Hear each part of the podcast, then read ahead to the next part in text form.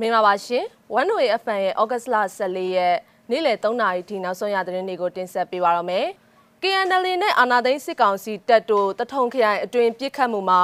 စစ်ကောင်စီဘက်ကတဦးသေဆုံးတဦးဒဏ်ရာရရှိခဲ့တယ်လို့ KNU သတင်းနဲ့ပြန်ကြားရေးကထုတ်ပြန်လိုက်ပါတယ်။ NUG ကိုထောက်ခံကြောင်း Signature Campaign လို့စင်တူရုံးမှတက်ထောက်ခံသူတွေရဲ့ Signature Campaign ပေါ်ပေါက်နေပါတယ်။အဲ့ဒီသတင်းတွေအပါအဝင်နောက်ဆုံးရသတင်းတွေကိုဆက်လက်တင်ဆက်ပေးပါမယ်။ ထမောက်ဆုံးသတင်းတပုတ်အနေနဲ့ကရင်မျိုးသားလွတ်မြောက်ရေးတပ်မတော် KNL တပ်မဟာ1လက်အောက်ခံတပ်တွေနဲ့အာနာသိန်းစစ်အုပ်စုတပ်တွေပြစ်ခတ်မှုဖြစ်ပွားခဲ့ပြီးစစ်အုပ်စုဘက်ကတအူးသေးဆုံးတအူးတန်ရာရရှိခဲ့တယ်လို့ KNU သတင်းနဲ့ပြန်ကြားရေးကထုတ်ပြန်လိုက်ပါတယ်။ KNU တပ်မဟာ1တထုံခရိုင်ဖအံမြို့နယ်တကောင်မိုးကျင်းနယ်အုပ်စုမဲလံရွာအနီးမှာ KNL တရင်1လက်အောက်ခံတပ်တွေနဲ့အာနာသိန်းစစ်ကောင်စီ ခမရ138တို့ဩဂတ်စ်လ23ရက်မနက်9နာရီခွဲလောက်ကပြစ်ခတ်မှုဖြစ်ပွားခဲ့ရမှာစစ်ကောင်စီဘက်ကတအူးတေဆုံးတအူးတန်ရာရရှိခဲ့ပြီး KNL ဘက်ကထိခိုက်မှုမရှိခဲ့ဘူးလို့ဆိုပါတယ်။အာနာသိန်းစစ်ကောင်စီလက်အောက်ခံတပ်တွေက KNL တရင်တစ်လှုပ်ရှားရာဒေသတွေကိုကျူးကျော်နေရယူလာတာကြောင့်ပြစ်ခတ်မှုဖြစ်ပွားခဲ့တာလို့ KNU ကထုတ်ပြန်ပါတယ်။နောက်ထပ်သတင်းတစ်ပုဒ်အနေနဲ့လာမယ့်စက်တင်ဘာလလယ်မှာကျင်းပမယ့် ကမ္ဘာကုလသမဂ္ဂအထွေထွေညီလာခံမှာမြန်မာနိုင်ငံကိုစားပြုခွင့်ရရှိရေးအစိုးရတရက်နဲ့အမြဲတမ်းကိုယ်စားလှယ်အဖွဲ့တစ်ဖွဲ့ကိုရွေးချယ်မှာဖြစ်ပါတယ်။အဲ့ဒီအစည်းအဝေးနဲ့ပတ်သက်လို့လူလူဟာ NUG ကိုထောက်ခံကြောင်းနဲ့မြန်မာနိုင်ငံကိုစားပြုခွင့်ရရှိဖို့ credential challenge campaign တွေဖြစ်တဲ့မြေပြင်လှုပ်ရှားမှုတွေ online လှုပ်ရှားမှုတွေကိုလှုပ်ဆောင်နေကြပါတယ်။ဒီမနက်မှာတော့ NUG ကိုထောက်ခံတဲ့ signature petition campaign ဤတူ တက်မတော်ထောက်ခံသူတွေဘက်က NUG ကိုကန့်ကွက်တဲ့ signature petition campaign တစ်ခုကိုပါစင်တူရိုးမပြုလုပ်လာတာကိုတွေ့ရပါတယ်။အဲ့ဒီတက်ထောက်ခံသူတွေရဲ့ signature petition campaign မှာတော့စက္ကန့်နဲ့အမျှလက်မှတ်ရေးထိုးသူတွေရဲ့အကောင့်တွေဘယ်အကောင့်နဲ့လက်မှတ်ရေးထိုးသွားတယ်ဆိုတာကိုပါတွေ့မြင်နေရပါတယ်။အဲ့ဒီတက်ထောက်ခံသူတွေရဲ့ campaign ကိုတော့ Facebook ကတက်ချစ်သူတွေရဲ့လျှို့ဝှက် group တစ်ခုဖြစ်တဲ့ We Love Myanmar ဆိုတဲ့ group မှာလက်မှတ်ရေးထိုးဖို့လိုက်လံစည်းရုံးနေကြတာဖြစ်ပါတယ်။ မစ္စည်းမသတင်းအမှားတိုက်ဖြတ်ရေးအစီအစဉ်ကနေအများပြည်သူတွေအနေနဲ့ signature petition မလုပ်ခင်အကြောင်းအရာအချက်လက်တွေကိုတေချာစစ်စစ်ပြီးမှပြုလုပ်တင်ကြောင်းအသိပေးကြပါတယ်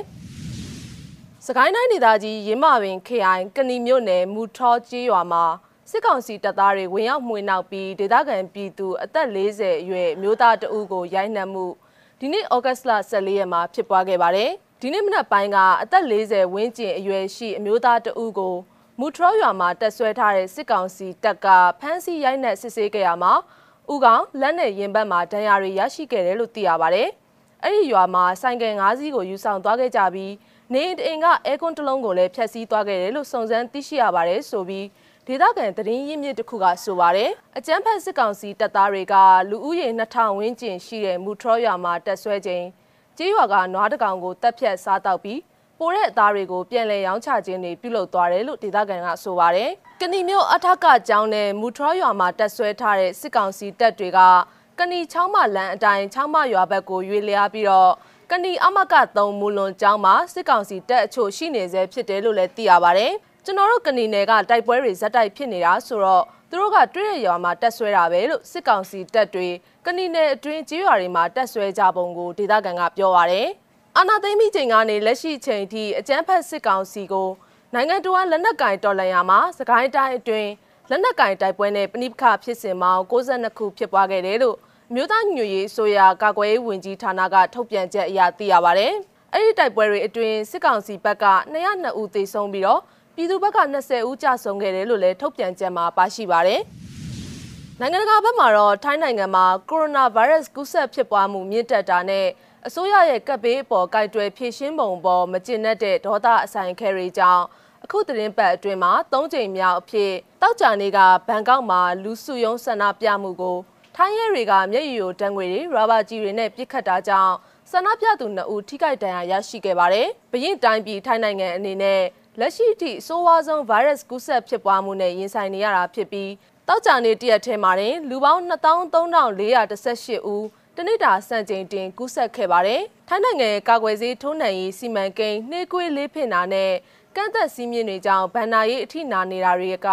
ဝင်ကြီးချုပ်ပရာယုတ်ချန်ဟိုချာအစိုးရအပေါ်နိုင်ငံရေးဖိအားလှိုင်းတွေတိုးတဲ့တိုးကြရောက်လို့နေပါတယ်။ဘန်ကောက်မြို့တော်ရဲ့အောင်ပွဲခံအဆောက်အုံဘေးကလမ်းဆောင်ကြီးတစ်ခုမှာဆန္ဒပြသူတွေဟာလူစုယုံမှုတားမြစ်ချက်ကိုဖိစံစုယုံကြပြီး လယ်သမားတွေစီးပွားရေးဒုက္ခကြုံနေတာကိုဖော်ပြတဲ့အနေနဲ့တစ်တီးပုတ်အိတ်တွေကိုမီးရှို့ကြပါတယ်။အစိုးရအသုံးမကျတာကြောင့်ဒီတစ်တီးတွေကိုရောင်းလို့မရတော့တာပါပဲ။ဗိုင်းရပ်စ်နဲ့စီးပွားရေးစီမံခန့်ခွဲဖို့မှာအစိုးရဟာဖြစ်ဖြစ်မြောက်မြောက်မရှိဘူးဆိုပြီးအမျိုးသမီးဆန္ဒပြသူတဦးက300အင်အားရှိတဲ့ဆန္ဒပြလူအုပ်ကိုပြောပါတယ်။ပရာယွတ်ချက်ချင်းနှုတ်ထွက်တော့ပါဆိုတဲ့စာတန်းကြီးကိုကင်ဆောင်ရင်း ဆန္ဒပြသူတွေဟာစစ်တမ်းလျားတွေကပရာယွတ်အိမ်တော်စီချီတက်ကြဖို့လဲကြိုးပမ်းခဲ့ကြပါတယ်။ရဲတွေဟာတန်ဆူးကျိုးတွေနဲ့တင်မောကွန်တိန်နာတွေကိုအတန်းလိုက်ကာရန်တားဆီးထားပြီးဆန္ဒပြသူတွေရဲ့လမ်းကြောင်းကိုပိတ်ဆို့ထားပြီးတော့မျက်ရည်ယိုဓာတ်ငွေတွေရာဘာကြီးတွေမိသက်ပိုက်တွေနဲ့ဆန္ဒပြသူတွေကိုဖြိုခွင်းကြပါတယ်။အင်္ဂါနဲ့ဗုဒ္ဓနေ့ကလည်းအခုဖြစ်ပွားရမှာပဲဆန္ဒပြပွဲတွေစင်နေခဲ့ကြတာဖြစ်ပြီးရဲတွေကမိသက်ပိုက်တွေ